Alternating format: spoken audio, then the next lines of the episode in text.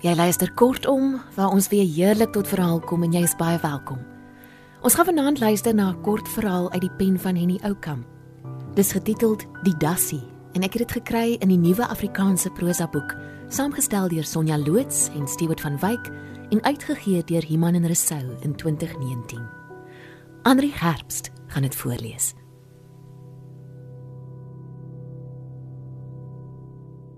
By die Wilkerfontein span die manskappe uit. Die honde het sopas by die geselskap aangesluit. In die koelte slaat hulle neer. Flossie, die foksterrier, oorskiet die swart skaaphond en 'n fosrooi keffertjie uit Tattie se stroois. Oorskiet in die strooisbrak lê met hygende flanke in die somergras. Hul bekke is oop, hul tonge hang ver oor hul tande uit. Flossie soek die water op, gaan lê tot aan sy sye daarin. Joppie gryp aan die naaste kluit. "Sien jy?" skree hy opgery. "Laat 'n man eers drink." Wimpie kyk 'n oomblik op. Hoe's Joppie dan so kort van draad? Dan steek hy sy arm tot aan die elmboog in die fonteindammetjie en karring die water tot dit troebel word. Soos 'n pliksel wol wat aan doringdraad klou, so bly die ding in sy gedagte. Penny, sy neefie, het die storie beginne. Penny kon gelieg het. Penny is so 'n liegbek. 'n Liegbek en 'n domkop en 'n vark. Dis 'n beproewing, sê sy ma, om 'n mens soos Penny in die familie te hê. Wimpie buig oor die water. Hy blaas rimpels oor sy eie gesig. Hoe het Penny nou weer by die skool gesê? Jou ma gaan tog 'n kleintjie kry. Is hy? Hoe weet jy miskien? Ek het oë my kop gekry, dankie. 'n Spreeu vlieg op uit 'n bessiebos. Hy vlieg reg teen die lug in, sy rug so blou soos olie, sy vlerke rooi. Hy swenk twyfel en pyl dan na die randjies toe. Wimpie wil van sy gedagtes wegkom.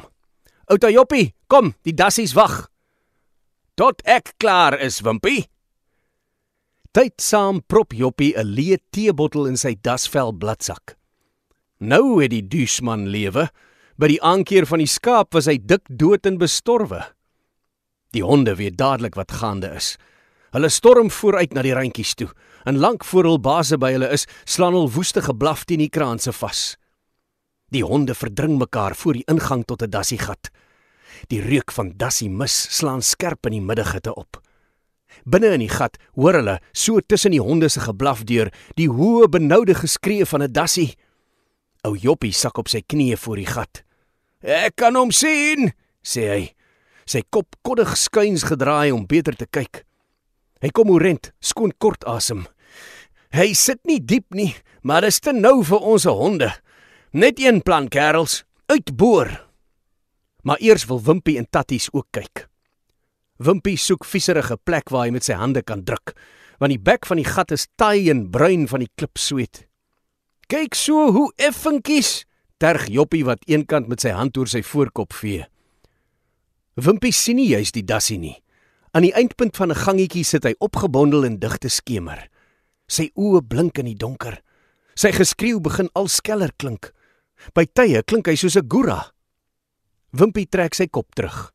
Dadelik buur Flossie by hom verby, wurm sy wit lyfie so ver dit kan in die gangetjie in. Maar by die dassie kom hy nie. Die tonnel word vir hom te nou. In die beknopte donker begluur die hond en die dassie mekaar. Tatties wil nie langer wag nie. "Laat ons boor!" skree hy. "Die dag gaan om." Wimpie hou nie van die wreedheid nie. As die honde die dassie op eie krag uit die gat sleep en hom buite met 1 2 buite van kant maak, is dit fair play jag. Maar om 'n draad by die gat in te steek tot dit 'n dassie lyf raak, dit te draai in in dat dit vasdraai in die warm rou vleis, dan wild te ruk om die dassie uit sy gat te pluk en as dit nie geluk nie weer te probeer. Ag nee. Wimpie was eendag skoon siek van die besigheid. Die dassie, so dit vir hom geklink, het juis by hom om genade gesmeek. En toe hy dit nie toestaan nie, toe voel hy die pyn in sy eie lyf. En saam met die pyn het die naarheid gekom. Nie boor nie, Subat Wimpie. Hoekom nie? vra Tatties boos. Wimpie is te fyntjies, sê Joppie, en ook hy klink misnoeg. Te fyntjies vir die jag, maar is altyd hy wat die ding begin. Wimpie kyk vertwyfeld na Joppie en van Joppie na Tatties. Hy kry 'n plan. Wat van die keffertjie? Kom ons probeer die keffertjie. Hy moet skree om hom hoorbaar te maak bo die geblaf van die honde. Ag hy, snork Tatties veragtend. Wat weet hy van dassie vang? Almiskie, sê Joppie. Laat ons daarom probeer. Flossie kan nie met oorreding uit die gat gelok word nie. Tatties moet hom uittrek aan sy agterbeen. Wimpie keer met sy lyf dat die hondjie nie terugspring nie. Die groot hond raak ongeduldig, spring teen Wimpie op, dwing hom 'n beurt. Net die klein hondjie deel nie in die opwinding nie. Hy lê in die skaduwee van 'n kamferbossie na asem en snak. Kwyl tap van sy tong op sy pote en van sy pote op die gras.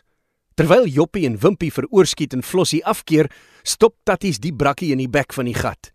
Die brakkie hoor die vreemde geluide in die diepte van die gat, knor, spit sy ore. Sy rooi hare staan regop. Angs en bloedlus sidder in sy boutjies. "Toe nou, vat hom!" Die oproep ken hy. Die geblaf van oorskiet en Flossie sweep hom op. "Toe!" fluister Wimpie hees. En die keffertjie kruip dieper in die gat dring in waar Flossie nie verder kon kom nie.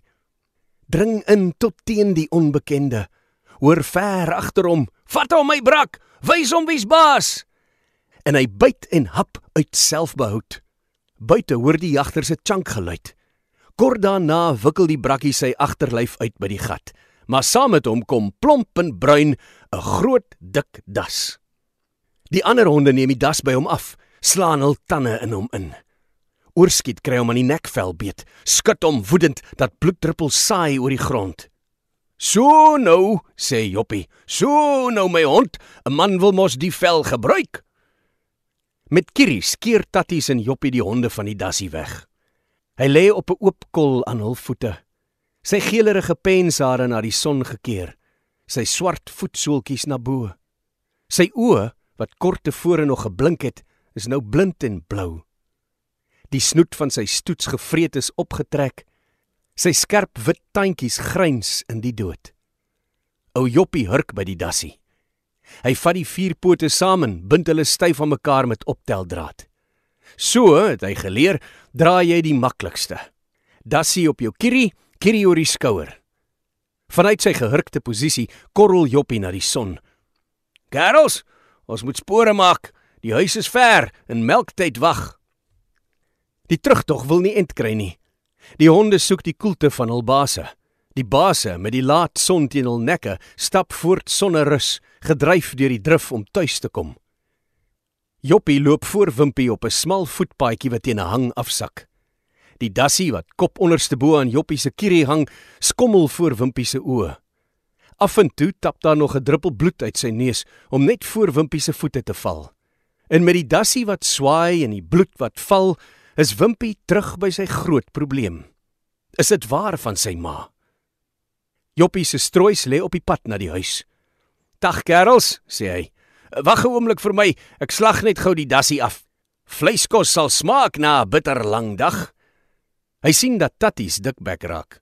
Op stuk van sake, dis sy hond wat die das gevang het. "Jy kom eet vanaand by my," nooi hy Tatties gulhartig uit. Wimpie wil sien hoe die dassie geslag word. Op 'n klipplaat voor die stroois lê Joppie die dassie neer. Hy maak die pote tydsaam los. "Water!" Blaf hy na Tattie se kant.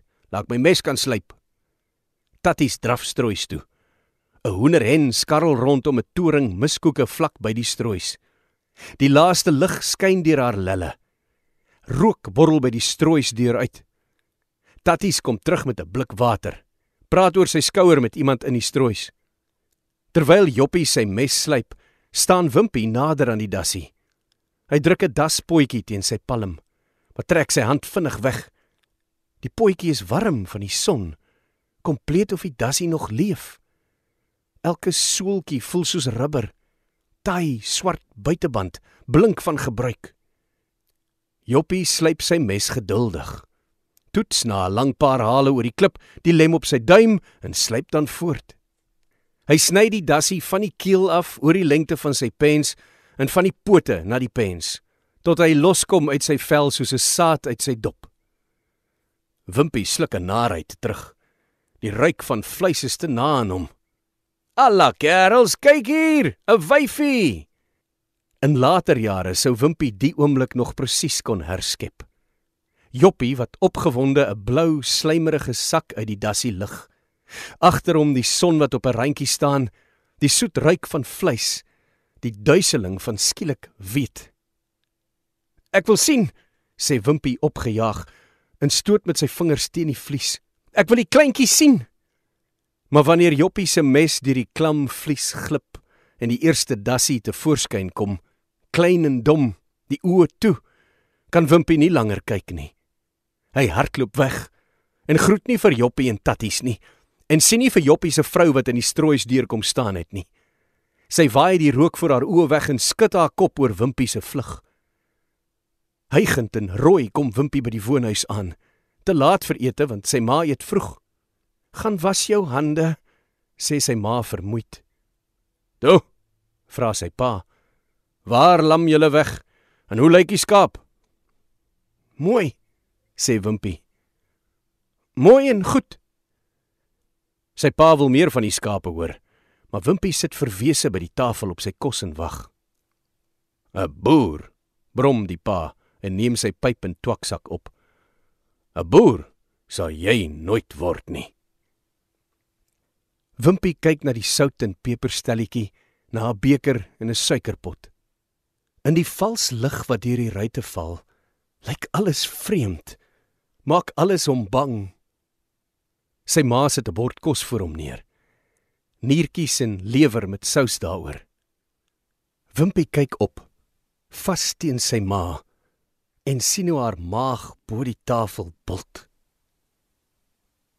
Ek ek kan nie eet nie, sê hy skielik huilerig. Ek gril van vleis.